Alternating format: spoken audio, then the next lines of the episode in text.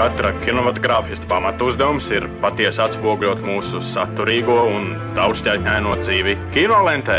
Izceļot tipisko un izlaižot mazsvarīgo, akcentējot panākumus un nenoklusējot dažkārt sastopamus trūkumus. Balansējiet, nu godājiet vēseli inženieri starp pienākumu un varēšanu. Pie jūras klimats 15 minūtes par kino. Labdien, mīļie radio klausītāji! Ar jums kopā Martelīna Martinsona un šodien pie mums pie jūras klimatā viesojas režisors Kārlis Lesiņš un producents Gins Grūbe. 2016. gadā Valsts kultūra kapitāla fonds izveidoja jaunu filmu nozars mērķu programmu ar vēlmi atbalstīt jauno režisoru un kino veidotāju projektus. Šī tā saucamā mikrobudžeta filmu programma kļuva par atspērienu vairākiem debijas projektiem, ļaujot industrijā savu vārdu pieteikt režisoriem Jānim Ābelam, Kristianam Riekstiņam un Alisei Zariņai. Tāpat laikā 30 tūkstoši eiro lielais budžets uzliek arī savus ierobežojumus un prasa no kino veidotājiem gan lielu izdomu, gan spēju iet uz kompromisiem. Daļa kino industrijas pārstāv šo programmu uzskata par lielisku iespēju debitantiem. Toties cita daļa atkal uzskata, ka šāds budžets nav realistisks un atstāja jaunos režisorus tādā kā strupceļā. Debija ir svarīgs sevis pieteikums industrijā, tāpat laikā visas savas režisoriskās ambīcijas piepildīt nesanāk. Šobrīd mērķprogrammas nosaukums ir debijas filmetrāžu spēļu filmu ražošana, un piešķirtais finansējums ir lielāks, taču līdz ar to debijas filmu skaits, kas tiek atbalstītas, ir daudz mazāks. Kādi ir šīs programmas projektu veidošanas lielākie bonusi un lielākie izaicinājumi? Parunāt par šiem jautājumiem esmu uzaicinājis režisoru Kārlu Lesiņu, kura debijas filmatrāžas spēļu filma Izmisums ir viena no pēdējām mikrobudžeta filmām, kur savu pirmizrādi piedzīvos jau šī gada oktobrī. Sveiki, Kārli! Sveiki! Kā arī pie mums viesojas producents Gins Grūbe, kuram ir pieredze gan ar mikrobudžetu programmu, producējot Kristiāna Riekstiņa šausmu trilleru Eva, gan arī debijas filmatrāžas spēļu filmu programmu, jo tikko ir beigusies filmēšana Reņa Kalviņa debijas krimināla drāmai Maiņa, kuras pirmizrādi iespējams gaidām arī šī gada rudenī. Sveiki, Gint! Jā, sveiki! Kārli, kāda tev kā režisoram bija pieredze veidojot savu debijas filmatrāžas filmu izmisums? Cik ilgs, piemēram, bija arī pats filmēšanas process? Filmēšanas process bija konkrēti, zinu, 17 dienas. Viss bija vasarā, tā kā šī vasara mūs eh, ļoti loja ar ļoti labu laiku, tā kā filmēšana bija lieliska. Labs piedzīvojums, pieredze. Protams, es pazīstu Kristiānu Rieksniņu personīgi. Es strādāju ar viņu operatoru Mārtiņu Juravicu, tāpēc arī man bija bišķiņa vieglāk, jo es varēju mācīties no kļūdām, kuras pieļāva viņa. Man liekas, ka Kristiānam nebija nekādas kļūdas, tas bija ļoti labi. Gin, kāda bija tieši tava pieredze kā producentam, strādājot pie šīm divām filmām, Eva un Maiņa? Kādas jau bija atšķirības, kuras varēja ievērot? Mēs esam amplitūdā piedzīvojuši dažādas pieredzes. Savulaik veidojām Ivo Brieža debijas filmu, kas tā arī saucās filma. Tā, manuprāt, bija pavisam maza budžeta filma.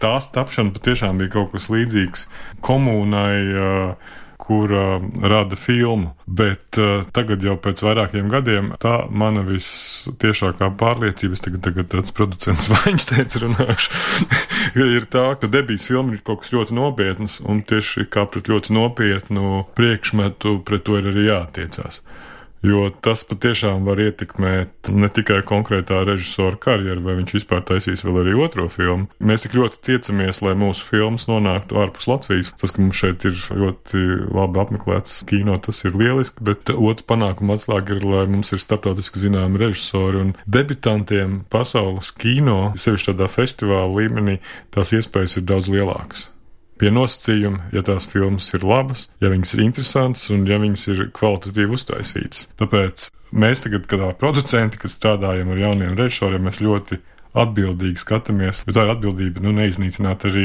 režisoru karjeru. Rēņa filma mani uzrunāja, viņš bija tikko beidzis Bellatāra filmu skolas Raivā, beidzis Stalins filmu skolu. Pavisam savā ziņā atšķirīga tā izglītības pieredze Latvijā.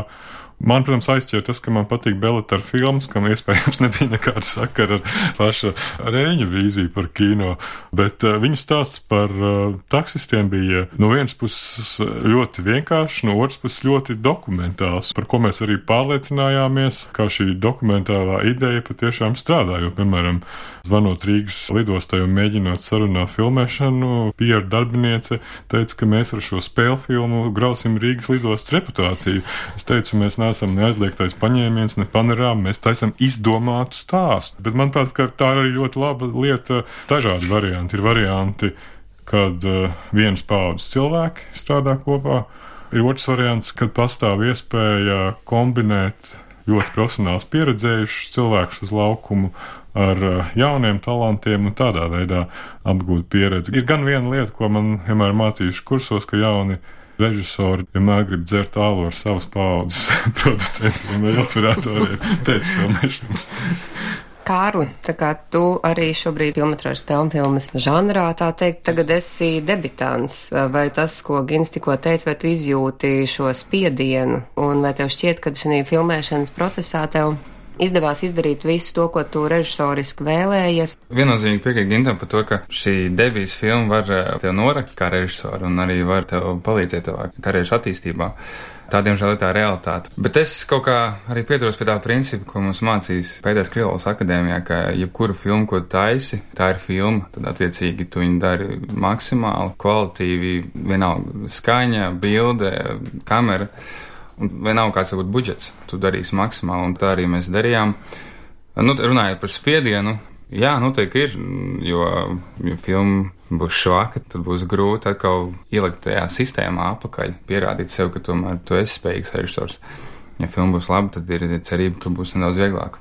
Pēc tam, kas tev skatīsies kā uz nopietnu režisoru, kurš spēj arī ar lielākām naudas summām taisīt, ja ne tikpat, varbūt pat vēl labākas kvalitātes filmas. Protams, ja mēs skatāmies šobrīd uz to debijas konkursu, kurš ir jau ap 100 tūkstošiem šis budžets, tad um, man kā iepriekšējam, kurš uh, tika vēl pie 30 tūkstošiem, ir nedaudz sāpīgi. Jo, protams, katrs eiro, kas būtu nācis mums klāt, būtu palīdzējis. Bet uh, vai tāpēc būtu filma labāka, es nezinu grūti spriest. Tā ir liela summa atšķirība, 30 vai 100. Vai tev, Gin, kā producentam, ir tā, ka piepešs tas bija ļoti jūtams šo divu filmu sakarā, šī tāmas atšķirība? Vai tomēr nu, darbs ir darbs? Darbs, protams, ir darbs. Mums, kā studijā, mēs varam arī no savas puses kaut ko ieguldīt un Jā. arī meklēt kādus sadarbības partnerus, kas palīdz to realizēt uh, līdz galam. Šajā nu, Reņģa Kalniņa gadījumā filma Maiņa, kas ir stāsts par taksistiem, notiek tumsā, vajag gaismas. Reņģis izvēlējās rumāņu operātori no ārvalstīm. Nu, tas viss prasa zināmas iestrādes, un tas, ko mēs izmantojām, bija patiešām profesionālie Latvijas kino cilvēki, kombinējot kopā ar cilvēkiem, kuriem šī filma bija pirmā spēlfilmas pieredze. Bet uh, man ir viens no mīļākajiem kino izteicieni manā aforismu grāmatiņā, kura man vēl nav ieviesta, ir, kad uh, sen sen atpakaļ mēs ar kinozinātnieci Valentīnu Freimani pārunājām tā laika jauno kino režisoru debitantu sniegumu, kuri tagad jau ir ļoti pieredzējuši un atzīti Latvijas kino vārdi. Fremans kundze toreiz teica, ziniet, ar talantu vien nepietiek, vajag arī prasmes. Un es tam ļoti piekrītu, un tās prasmes var attīstīt tikai taisot veiksmīgi, neveiksmīgi, bet vienkārši taisot filmas, un varbūt, ka vajag arī divas neveiksmes, un tad trešā būs patiešām izcila filma, bet nu, nav jau nekāda gudrība, ka kino ir amats, tā patiešām ir tāda amata māksla. Ja, lai nebūtu kauns no tiem dialogiem, kad latviešu aktieri paver mutes, nu, ne jau tas, ka aktieri ir slikti, bet tā patiešām ir režisora prasme to panākt. No jūsu pieredzes vai ir kādi novērojumi, kas, piemēram, raksturotu šīs pēdējās iznākušās mikrobudžeta filmas Jāņa Ābeles, Kristiāna un Alises Zariņas filmas? Saržģīts jautājums, īstenībā. Gins var sākt. Kristiāns Rieksniņš, viņš ļoti mētiecīgi gāja uz šo savu žanru filmu, un es biju ļoti pateicīgs ka šo kristiānu ieguldīto enerģiju un darbu viņš patiešām, nu, citējot Vidriku Nīču, ar sirds asinīm to filmu izveidoja.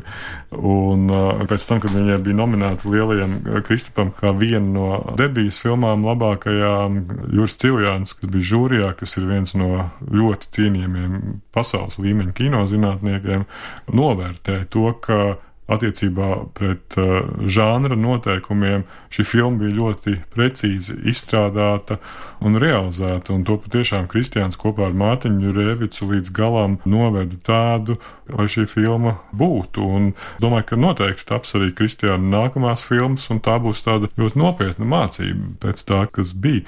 Man vairāk parasti uztrauc, ka mums kā atskaites mehānisms bieži vien tiek pieņemts kultūras akadēmijas bakalaura darbs, kurus tur taisa pa 2 vai 3 tūkstoši eiro. Nu, Tas ir mācību darbs, tas ir mācību mm. nobeigums. Tam bieži vien ar filmu nav varbūt nekāda sakara. Šis īsfilmu žanrs mums ir ļoti neattīstīts, kas būtu ļoti pieņemams debijas formāts, ka tam trūks, manuprāt, finansējuma. Mums nav kvalitatīvas uh, dokumentālās īsfilmas, Un mums nav kvalitatīvas spēles īsfilmas, un tām jau nu ir pasaulē ļoti plašs tirgus. Es esmu redzējis Kristiāna filmu, un esmu redzējis arī blakus Jāņa Abels filmas, un sācis, ka es vēl neesmu noskatījies tā atšķirība varbūt tāda, ka Kristiāna Mārtiņa darbs, eh, es viņus pazīstu no akadēmijas laikiem un zinu, kā viņi strādā.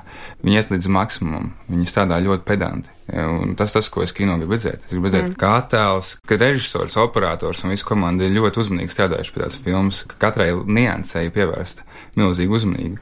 Un, diemžēl, varbūt esi, tas ir tas, ka, ja tu tik ļoti aizraujies ar to, tad tiešām finansējums kaut kādā brīdī beidzās, un tev nesanāk filmas filma, tev sanāk zem šī filmas noteiktā limita, kas ir 45 minūtes, ja nemaldos. Un tā pašā laikā blakus sakau izpildē šo nosacījumu Ruzvī. Viņa ir stunda 30, taču man patīk fenomenāls scenārijs, dialogu un aktieri. Tā pašā laikā varbūt akaus tieši attēla kvalitāte. Es jūtu, ka tur ir taupīts nedaudz. Arī tās pašas lokācijas ļoti vienkārši. Kameras darbs ir ļoti vienkāršs Šeit parādās atšķirības, un tad uz ko tas uh, režisors uh, izdomā spiest, laikam.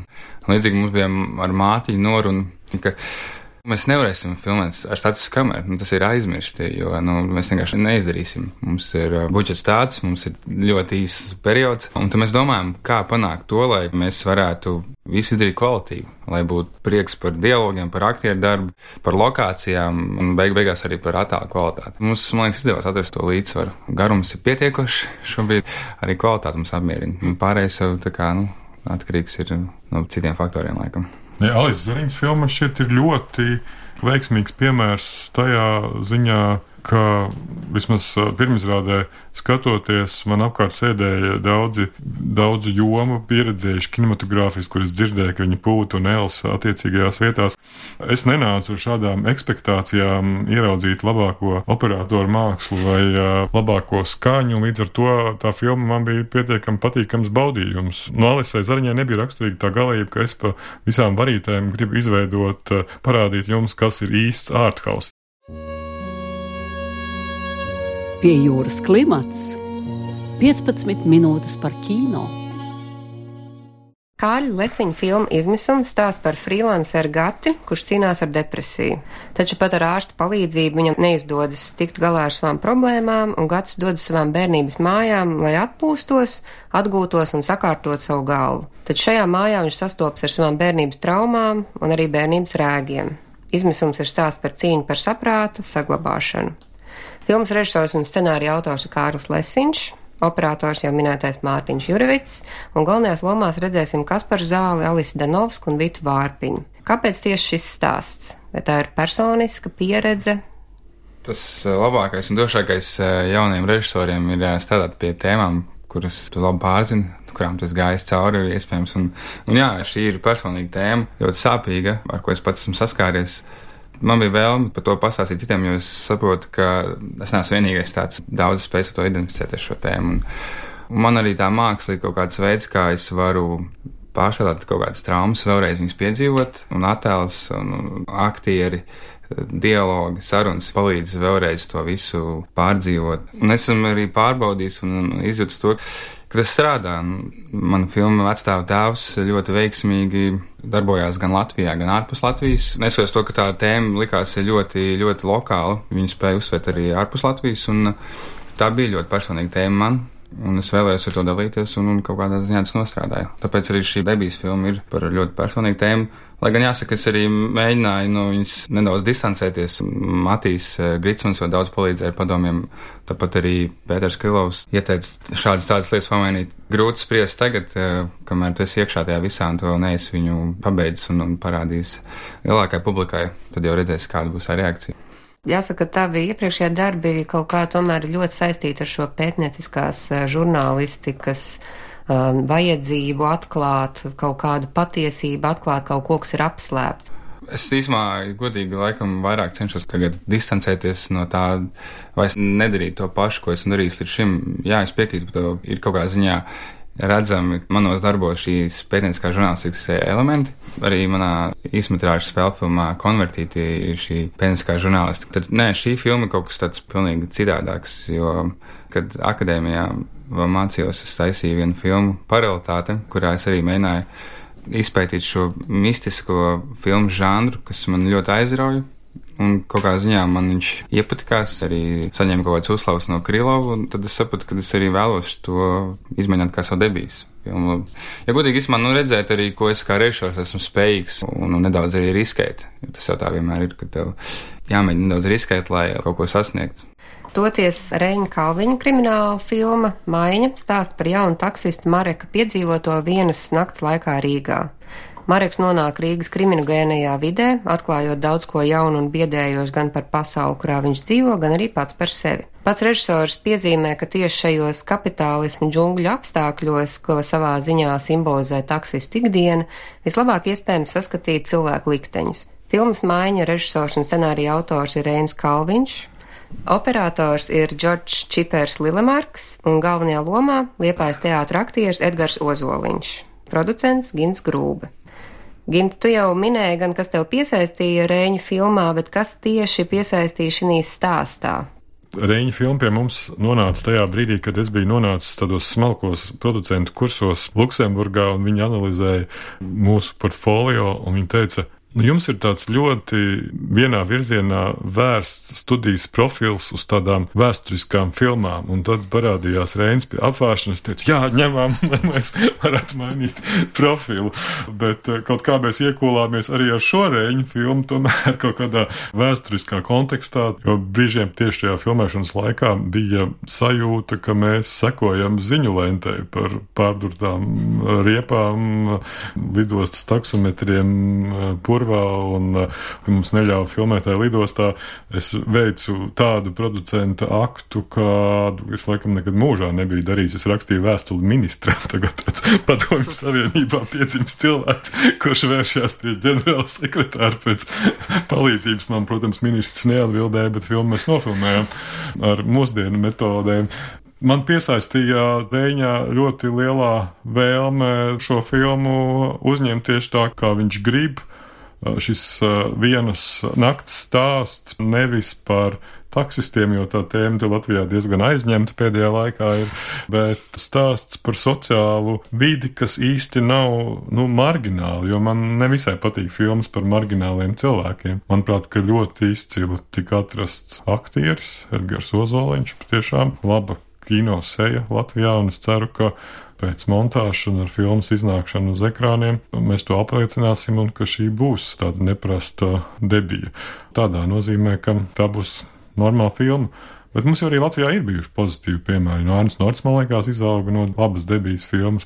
Vai ir tāda lieta kā ideālais budžets debijai? Manuprāt, debijas filmām nebūtu jātop ne par 30 un mm -hmm. iespējams arī ne par 100 tūkstošiem, tāpēc es ik pa laikam mēģinu dažādās starptautiski politiskās platformās pilināt ideju par uh, debijas filmu kopražojumu konkursu Baltijas valstu līmenī, kombinējot uh, varbūt šo trīs valstu nelielu budžetu kopā, mēs patiešām varētu piedzīvot savus režisorus, kuri iet pa kā nu, īpašā skatiena kāpnēm un iegūst balvas.